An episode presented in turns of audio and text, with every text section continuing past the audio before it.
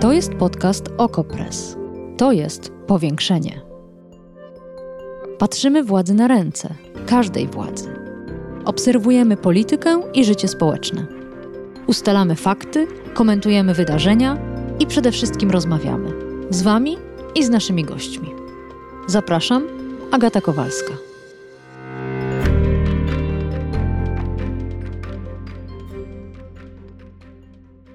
Początku napaści Federacji Rosyjskiej na Ukrainę staramy się zrozumieć tę wojnę. Analizujemy w OKO.press i w podcaście Powiększenie sytuację na froncie i wśród cywili, sankcje Zachodu i kurs rubla. W tym samym czasie jedna dziennikarka OKO.press codziennie zanurza się w świecie rosyjskiej propagandy. Jak sama mówi, to jest zupełnie inna rzeczywistość. Dzisiaj w powiększeniu sprawdzimy, jak opowiadano sobie w Rosji o tej tak zwanej operacji specjalnej w Ukrainie. Czy kiedykolwiek przyznano, że poniosła porażkę? W co zamieniono te wydarzenia? Jaką opowieść snują rosyjscy specjaliści od kłamstw? I czy można w ogóle mówić o jednej składnej opowieści? No i czy ktokolwiek zatrudniony w ichnim Ministerstwie Prawdy znalazł sposób, by wytłumaczyć Rosjankom i Rosjanom, dlaczego z Rosji zniknęła IKEA, McDonald's i wiele firm odzieżowych? O tym wszystkim dzisiaj w powiększeniu.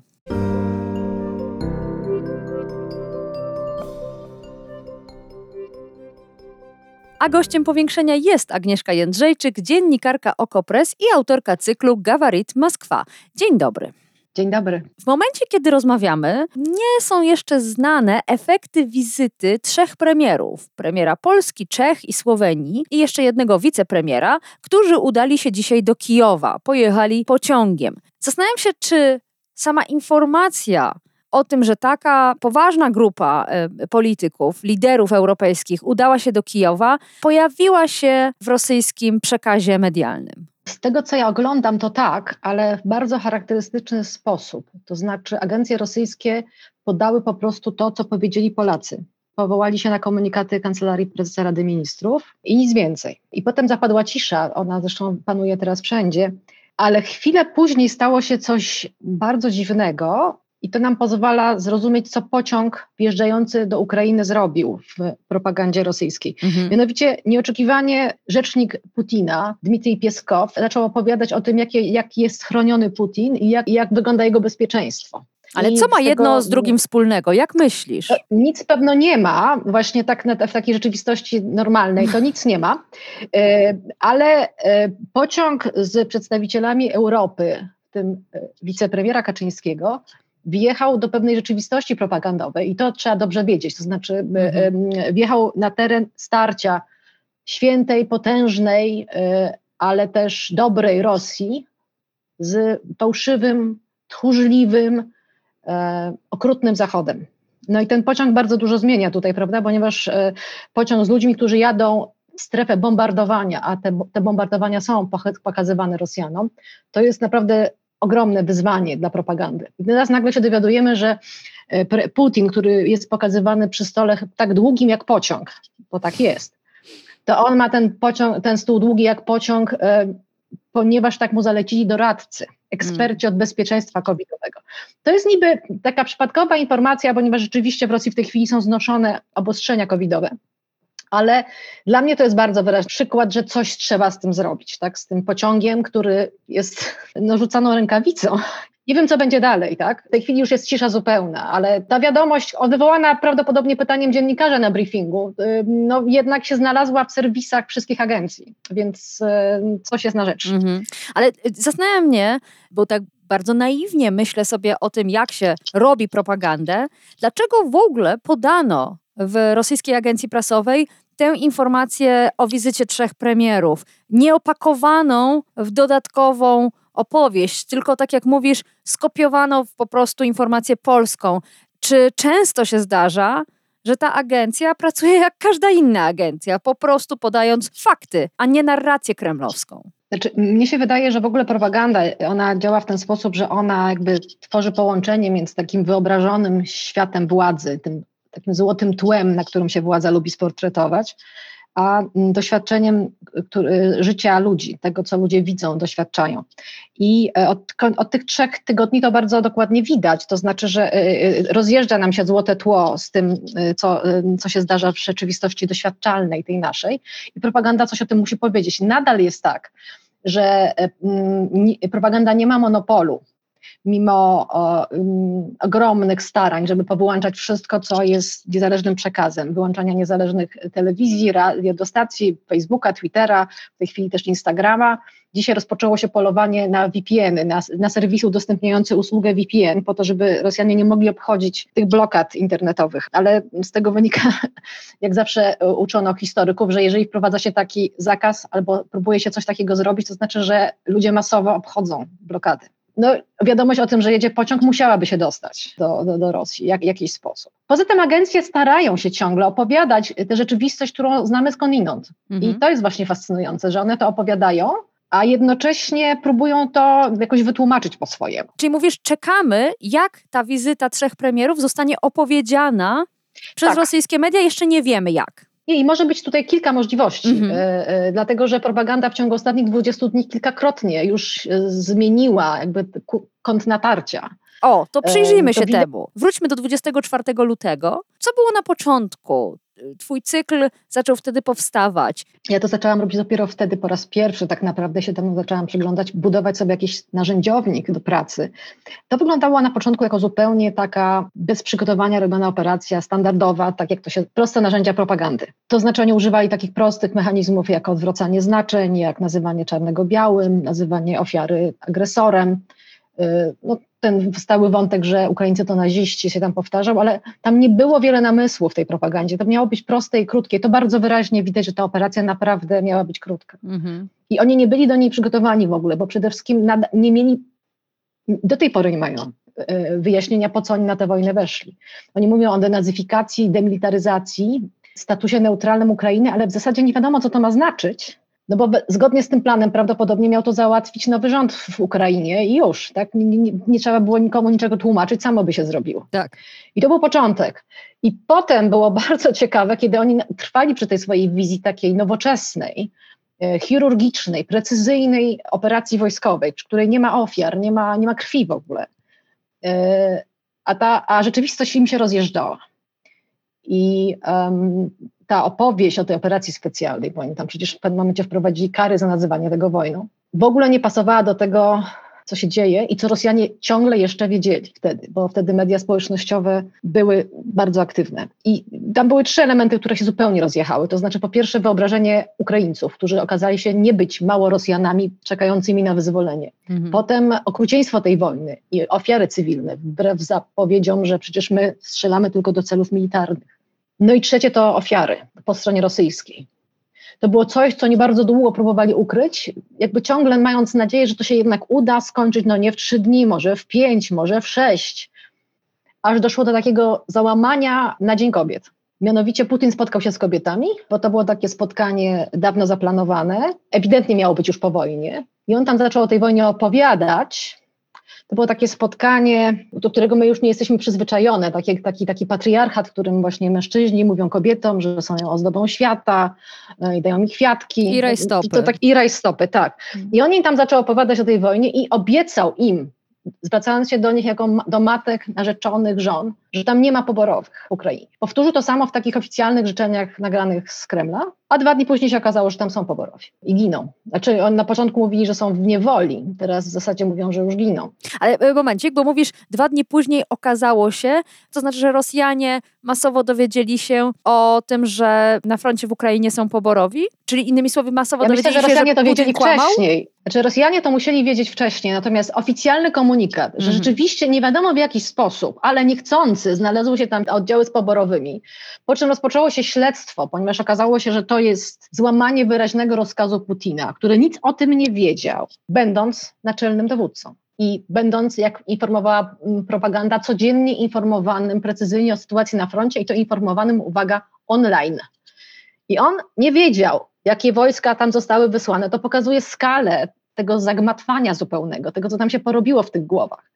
No bo jak dowódca naczelny może nie wiedzieć, jakie wojska są wysłane? No i tam teraz trwa śledztwo w sprawie tego, kto oszukał Putina w sprawie i, i potajemnie wysłał poborowych. To jest coś przerażającego zupełnie. No dobrze, ale... Tylko wtedy już nastąpiła mhm. zupełna zmiana tej propagandy. Właśnie. A no właśnie. To był ten moment zwrotu. A no właśnie, na jaki? Bo y, mówimy, na początku była operacja specjalna, słowo wojna nikomu nie przechodziło przez gardło. W co to się zmieniło? To się nadal nazywa operacją specjalną, ale to jak w takim prawdziwym Orwellu, y, to słowo zmieniło znaczenie. To słowo oznacza teraz y, wojnę Rosji z Zachodem. Otóż Rosja jest w takim ogromnym konflikcie z całym Zachodem. Przy czym e, ten konflikt jest e, wypowiedziany przez Zachód. To nie, to nie Rosja to zaczęła. E, tam jest kilka etapów tworzenia tego, tej, tego koncept, tej koncepcji, bo na początku oni mówili, że gdyby nie operacja specjalna w Donbasie, to Zachód i tak by napadł. Potem było powiedziane, że gdyby nie operacja specjalna w Donbasie, to wojna toczyłaby się już na terenie Rosji. Ta wojna, nie wiadomo, bo ten Zachód tam nie występuje jako armia, ale jednak toczyłaby się w Rosji. Potem powiedziano, że wojna polega na tym, że to są straszliwe sankcje, bo one rzeczywiście są straszliwe. To znaczy, jak się czyta agencję i, i, się, i to, co po kolei się w Rosji wyłącza, to, no to jest y, rzeczywiście straszliwy cios. I oni teraz mówią, że Zachód od dawna planował te sankcje i on by je nałożył niezależnie od tego, czy Putin by operację specjalną zorganizował, czy nie. E, no i, e, i to właśnie ta opera, ten Zachód, który teraz jest głównym podmiotem, nie Ukraińcy, jest wszystkiemu winien, między innymi podmienił Rosji Ukraińców. Car Ameryki jednoosobowo wydał takie polecenie swoim siłom w postaci Facebooka i Twittera i te straszliwe media społecznościowe podmieniły Ukraińców z dobrych na złych. Zdemoralizowały. Tak, wytworzyły inną świadomość, ale to jest też ważna rzecz, bo oni jakby po raz pierwszy przyznali, że istnieje coś takiego jak naród ukraiński. On co prawda powstał w jakimś takim straszliwym, sztucznym procesie, ale istnieje. Jeszcze o sankcjach chwilę. Jak to jest tłumaczone? Bo sankcje to jedno, ale skutki sankcji, czyli spadek wartości rubla, zamykanie już tego słynnego McDonalda, Ikei, tych wszystkich słynnych marek, no to jakoś to y, jest tłumaczone czy przemilczywane? Nie, jest, znaczy y, jest i to zdaje się też się pojawia właśnie w tych takich y, półniezależnych czy nie, też normalnie zależnych mediach y, jako informacje gospodarcze. To sobie trzeba sobie wyobrazić, że w momencie, kiedy te sankcje się zaczęły, to wiadomości były pełne takich strzałów medialnych. Ten odszedł, ten zamyka, ten się wycofuje. To było coś niesłychanego zupełnie. To trudno sobie wyobrazić. Taki świat, w którym właściwie wszystko to, co mamy na półkach, znika. W łazience, w komputerze, tego już nie ma. To były tylko zapowiedzi, więc było takie mnóstwo takich zapowiedzi urzędowych, że będzie super. To jest takie charakterystyczne, że administracja w takim stanie głębokiego pobudzenia zaczyna mówić, zrobimy wszystko, co w naszej mocy, żeby było dobrze. No i to jest taki sygnał, że nie dadzą rady, bo administracja nie ma robić wszystkiego, co jest w jej mocy, tylko robić po prostu swoją robotę. Potem były opowieści, że damy radę, bo my tutaj jesteśmy samowystarczalni i jako Rosja my po prostu zwyciężymy i możemy sobie poradzić bez Coca-Coli. Teraz na przykład się pojawiły takie poradniki w tych, e, e, e przygotowywane przez dziennikarzy gospodarczych, które objaśniają, jak żyć. E, I e, one kiedyś, to, to trochę przypomina nasze poradniki, jak żyć z Polskim Ładem jak właściwie wygląda mój podatek. A oni na przykład piszą, czy to prawda, że nie będzie w sklepach nowych telefonów komórkowych. I potem jest długi artykuł o tym, że to zależy, bo w zależności, bo sankcje działają tak, ale potem jeszcze są importerzy, którzy się boją, ale są substytuty, które może dadzą radę. Taki długi artykuł. Bo poradnik czy mogę kupić dolary w banku? Bardzo długi. Czyli takie e, dostosowywane poradniki, e, jak zrobić wyrób, czekoladopodobny. No tak, albo 500 potraw z ziemniaków. Bardzo tak jest, popularna tak, tak, to troszeczkę tak wygląda. Tak, tak. Widać, że to się już zaczęło, bo to na początku to było ogłoszone, ale zanim te sklepy opustoszały, no to jeszcze ludzie jakby nie wierzyli własnym oczom. Wczoraj była taka depesza, która mówiła, że naprawdę McDonald's się zamknął. To, że niektóre McDonald'sy jeszcze działają, to dlatego, że oni kończą, zamykają linię produkcyjną i zapewne to znaczyło, że tam te jeszcze kotlety i te bułki jeszcze można było kupić, ale to już były ostatnie, już nie było nowych. Więc oni się oswalają z tą rzeczywistością. Ja do końca nie wiem, jak naprawdę żyje ten świat odcięty od mediów społecznościowych. To jest dla mnie jakoś niewyobrażalne. No, y, to akurat też mamy rosyjski odpowiednik. Jest y, sieć w kontakcie. Ponoć ma powstać też rosyjski Instagram, czy już powstał czyli wyroby internetopodobne dla tej no części właśnie, świata. Właśnie. Wróćmy jeszcze na chwilę do Władimira Putina. Kim on jest w tej opowieści? Bo mówiłaś oszukanym przez złych bojarów carem w tej kwestii poborowych, ale jak jeszcze on jest teraz pokazywany? Cały Zachód śmieje się, że Putin w bunkrze, a Zełęński na barykadach. Co robi z tym problemem rosyjska propaganda? Znaczy, ten moment oszukania Putina został dość szybko wyciszony, bo to jest e, tutaj ta, ta analogia z dobrym carem i złymi bojarami nie ma zastosowania, bo powtórzę, Putin jest dowódcą naczelnym. E, carowie na ogół nie byli dowódcami naczelnymi. E, dowódcą naczelnym był Mikołaj II przez chwilę i to się bardzo źle skończyło dla niego i dla caratu. E, więc Putin stara się znowu wrócić na, takiego, na, na pozycję takiego wszystko wiedzącego sprawcy, osoby, która wszystko wie i która panuje nad wszystkim, która ma jakiś zamysł i ten zamysł chce zrealizować.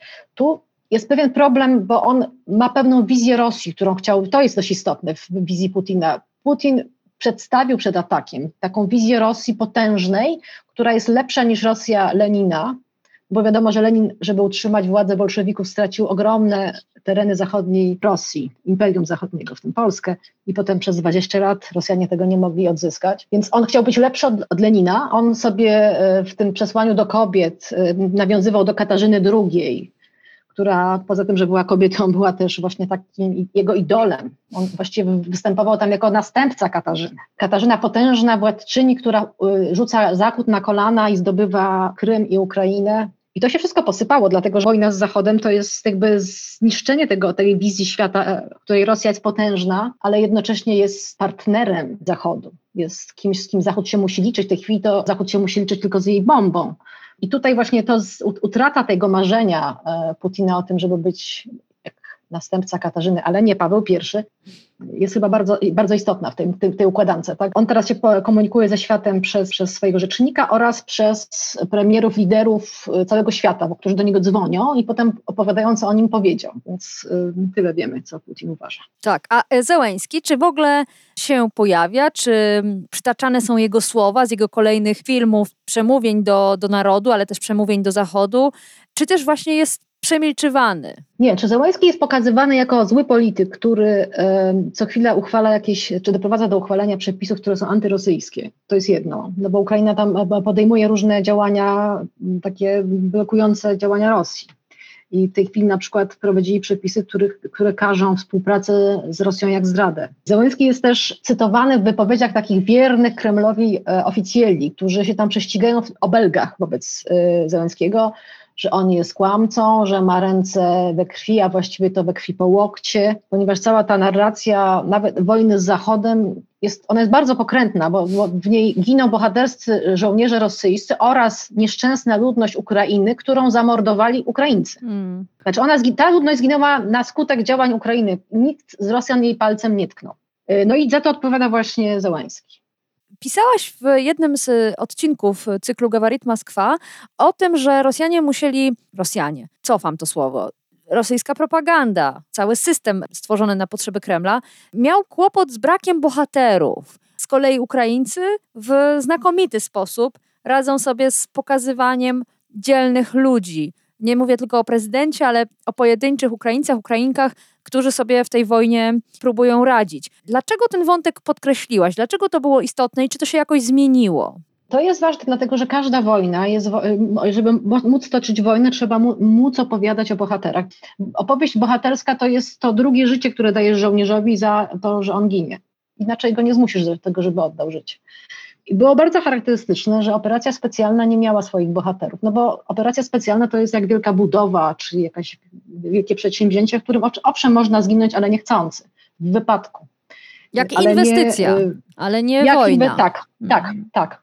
I naprawdę nie było, e, były takie wzmianki, że ktoś zginął i że to takie strasznie przykre, że właśnie współczujemy rodzinie. I to się zaczęło właśnie zmieniać tak mniej więcej na przełomie tygodni, tak? że się pojawiły opowieści o bohaterach I, te, i ci bohaterowie zaczęli mieć takie atrybuty rosyjskiego bohaterstwa, że zasłaniał u cywili, że bronił kolegów. Wczoraj wychwyciłam taką opowieść już klasyczną dla tego typu operacji, to znaczy jak to jest operacja, którą prowadzą wojska lotnicze, no to wiadomo, że bohaterem musi być lotnik, tak? Bohaterski hmm. lotnik, który w niezwykle trudnych warunkach opanował swoją maszynę, a jeszcze kogoś tam uratował. I była taka informacja o tym, że został samolot prowadzący operację militarną w terenie, w, w, obszarze specjalnej operacji. To jest taka nowomowa, więc nie wiemy, co on tam robił, ale został ostrzelany i z trudem wylądował, a kolega osłaniał go swoim samolotem. Ale ty pisałaś jakiś... u nas na łamach tak. Okopres, że to, że ci bohaterowie się zaczęli pojawiać, jest znaczące, bo świadczy o jakiejś zmianie. O jakiej twoim zdaniem? No, to znaczy, że jesteśmy na wojnie. To, że ta, można w tej chwili umrzeć za ojczyznę w Ukrainie, a jeszcze 10 dni temu nie można było, bo tam przecież była akcja wyzwolicielska i tam się nic złego nie działo. To jest wielka zmiana i to, to może coś złego znaczyć tak naprawdę. No właśnie, ponieważ, co takiego? No, szykowanie się do długiej krwawej mm. wojny, do całej mm. do narracji, bo ta narracja y, Wielkiej Wojny Ojczyźnianej, tak jak się w Rosji nazywa drugą wojnę światową, już jest wyraźna. Mm-hmm. I w połączeniu z tą wojną z Zachodem, która co prawda nie jest wojną militarną, ale może być, tu wracając do pociągu, pociąg wjeżdża do, do Ukrainy po tym, jak Rosja pogroziła, że będzie strzelać do celów z pomocą dla Ukrainy, że ma prawo to robić. Jesteśmy na granicy wojny i prawdopodobnie straty są rzeczywiście okropne i Rosja zaczyna mówić do swoich żołnierzy i do ich rodzin, damy wam w zamian nieśmiertelność. Hmm. Oczywiście nie, nie, nie, muszę się przyznać, że ja wiele z tego nie rozumiem. Znaczy, sowietologia to nie jest nauka ścisła. Mamy do czynienia z propagandą potwornie rozchwianą. To znaczy ta jej próba powiązania tego, co powinno być z tym, co jest, jest nieustająco się nie udaje. Nie wiadomo też, co chcemy osiągnąć, bo przecież komunistyczna propaganda przynajmniej nam mówiła, że ma nastąpić komunizm, a tutaj nie wiemy, co mamy osiągnąć, poza demilitaryzacją i denazyfikacją, ale co to znaczy. Taka propaganda ma, powinna być stała, ona powinna wyznaczać proste cele. Żyjemy też w świecie, w którym jest, działa aktywna propaganda i ona po prostu ma nam wyznaczać proste odpowiedzi. Mhm. Kto jest zły, kto jest dobry i co będzie dalej. Tu tak, tak nie jest. Każdego dnia zaglądam do komputera i, i właściwie nie wiem, czytam to i czytam i zastanawiam się, co to dzisiaj znaczy, co oni chcą powiedzieć.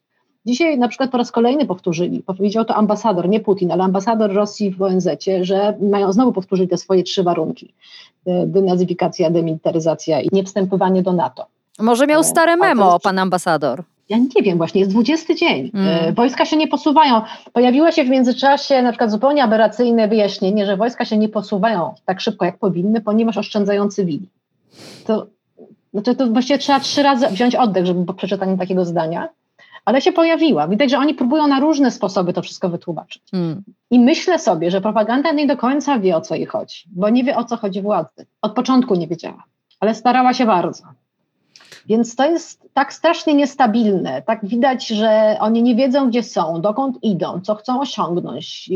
To jest też świat, w którym jakby wyłączono wszystkie światła. Oni nie wiedzą, gdzie jest północ, gdzie południe. Jest to przerażające. Nie wiem, czy jest to przerażające, na pewno zaskakujące, zwłaszcza jeśli pomyśleć, że my przez ostatnie lata w Polsce byliśmy przekonani, że machina propagandowa Rosji jest jak znakomicie działający szwajcarski zegarek między innymi w znakomity sposób naciskając na politykę, na odpowiednie akcenty w sytuacji społeczno-politycznej w Polsce. A tu się okazuje, że w tak ważnej dla Rosji sprawie, jak zajęcie Ukrainy, ta maszyna, ten zegarek w ogóle nie jest nakręcony i w ogóle nie jest precyzyjny. Propaganda jest skuteczna, kiedy wie, co ma zrobić. I rzeczywiście, jeżeli się jej powie, masz zmienić wynik wyborów w Stanach Zjednoczonych albo wpłynąć na e, referendum brexitowe, masz w Polsce robić to i to i to, to ona to zrobi, ponieważ tam jest, w każdej propagandzie jest pełno ludzi, którzy chętnie wykonają to, co im pole, e, polecono, a co więcej wykażą, że są świetni w tym. Ale tutaj my nie mamy celu, to znaczy ja się ciągle wracam do tego obłędnego celu denazyfikacji, demilitaryzacji i e, statusu neutralności Ukrainy. Co to mianowicie ma znaczyć? To można było wykonać tylko w jeden sposób, to znaczy wymienić rząd w Ukrainie i, i steroryzować ludzi. Mhm. Przy czym ewidentnie propaganda nie zda, znaczy nikt sobie nie zdawał sprawy, że to jest niewykonalne. To znaczy być może można wymienić rząd, trudem sobie to wyobrażam, ale pewno można. Ale co dalej? To jest powód, dla którego ta propaganda jest w takim stanie, ponieważ oni nie wiedzą, co mają, do czego dążą. Mogą zrobić wszystko, bo to są ludzie, którzy mogą zrobić wszystko, Natomiast chyba nie wiedzą, co. Co to jest to wszystko? Myślę, mhm. Tak, co to jest to wszystko. Oni zaczęli tę wojnę nie wiedząc, też byli pewno zaskoczeni i robili to rutynowo bardzo na początku. A teraz układają różne klocki, tak? Mają takie klocki propagandowe. Tutaj Wielka Rosja, tutaj Katarzyna, tutaj niedobry Lenin, tutaj Wielka Wojna Ojczyźniana, tutaj niedobry Zachód, ale te klocki się nie składają w całość. Mhm. I ja nie wiem, co oni chcą powiedzieć Rosjanom. Znowu będziemy denazyfikować Ukrainę, czyli kogo? Wszystkich Ukraińców? A jeszcze jeden wątek, który nie wiem, czy nam umknął, czy umknął całkowicie agencjom rosyjskim, mediom rosyjskim, to jest opór w Rosji. Protesty w Rosji, demonstracje w Rosji, pojedyncze również e, akty oporu. Jak i czy w ogóle jest to komentowane, czy w ogóle pojawiają się na ten temat informacje? Jakie? No, nie, nie ma informacji o oporze, natomiast są informacje o karach. I, I, e, od momentu, kiedy musimy sobie to uświadomić, że Rosjanie 10 dni temu uchwalili drakońskie prawo i to zrobili w jeden dzień przez dwie izby parlamentu i Putin. Skoro nie ma oporu, że... to po co ta ustawa? To jakoś jest tłumaczone? No właśnie. Znaczy, y, to jest y, naprawdę trudne do wyobrażenia. Y, odpowiedzialność karna jest tam podzielona na takie różne sekcje, w zależności od tego, kim jesteś, ale w sumie w najgorszym wypadku możesz zostać 15 lat. Mhm. 15 lat. Ale to jest nie tylko to, bo na przykład pojawiają się informacje, było mnóstwo informacji o tym, że należy pilnować dzieci, żeby dzieci się nie gromadziły, że, to, że nie należy brać udziału w zgromadzeniach. To było zwłaszcza 6 marca, kiedy były pierwsze protesty. A dzisiaj na przykład przeczytałam, i chyba wczoraj też, y, takie depesze o, od, od, od takich agencji bezpieczeństwa cyfrowego, że, o które przypominają, że, ta, że terror cyfrowy jest, będzie bardzo surowo karany. To rozumiem, że chodzi o hakerów, więc to wszystko wskazuje, to oni by tego nie mówili, gdyby nie było problemu. Mm-hmm. Więc opór ludzi można tak zobaczyć i też można sobie uświadomić, w jakiej oni są strasznie trudnej sytuacji. Czy czegoś się spodziewasz ja prawdopodobnie naiwnie bardzo próbuję wyczytać z propagandy to, co Kreml naprawdę szykuje. Dopiero zdałam sobie sprawę, że propaganda tego nie wie, więc nie możemy sobie wyczytywać z propagandy e, planów Putina. Był taki moment, kiedy mi się wydawało, że oni próbują te swoje trzy durne warunki zamienić na coś, co się da, co, o czym dałoby się dyskutować. No ale przez chwilę tak było, a potem znowu to zniknęło. Propaganda ma tę taką nieprawdopodobną zdolność tłumaczenia wszystkiego na odwrót, zamieniania każdego dobrego słowa w złe, każdego złego w dobre, odwracania znaczeń, nazywania nienawiści miłością i tak dalej. Ale to wszystko powiedział nam już kiedyś Orwell, więc to nie jest wielkie odkrycie. Ja sobie myślę, że czeka nas jakiś zwrot, nowe nazwanie czegoś taki napierający dek w piersi sposób, taki, którego się nie spodziewamy, bo oni w jakiś sposób muszą wyjść z tego, muszą dać Rosjanom zwycięstwo. Muszą. A jeżeli ono nie będzie możliwe na, mm, wojskowo, to muszą je w jakiś sposób wymyślić. Odsyłam Państwa do całego cyklu Gawarit Moskwa na łamach Okopres. Tam nie tylko informacje o treściach propagandowych przygotowywanych przez media rosyjskie, ale również ich analiza autorstwa naszej dziennikarki Agnieszki Jędrzejczyk, której serdecznie dziękuję za dzisiejsze spotkanie. I ja dziękuję.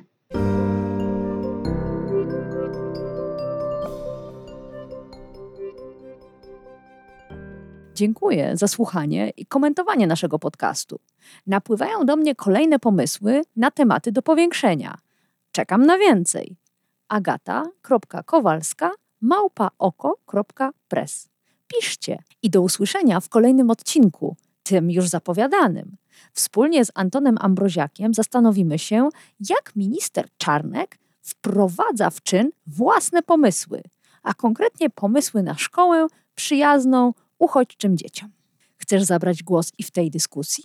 Napisz mail ten sam agata.kowalska małpaoko.press. Czekam. Powiększenie. Podcast OkoPress. Prowadzenie Agata Kowalska. Podcast znajdziesz na stronie OkoPress i w Twojej ulubionej aplikacji do podcastów. Redakcja OkoPress działa od 2016 roku. Jesteśmy obywatelskim narzędziem kontroli władzy, obecnej i każdej następnej.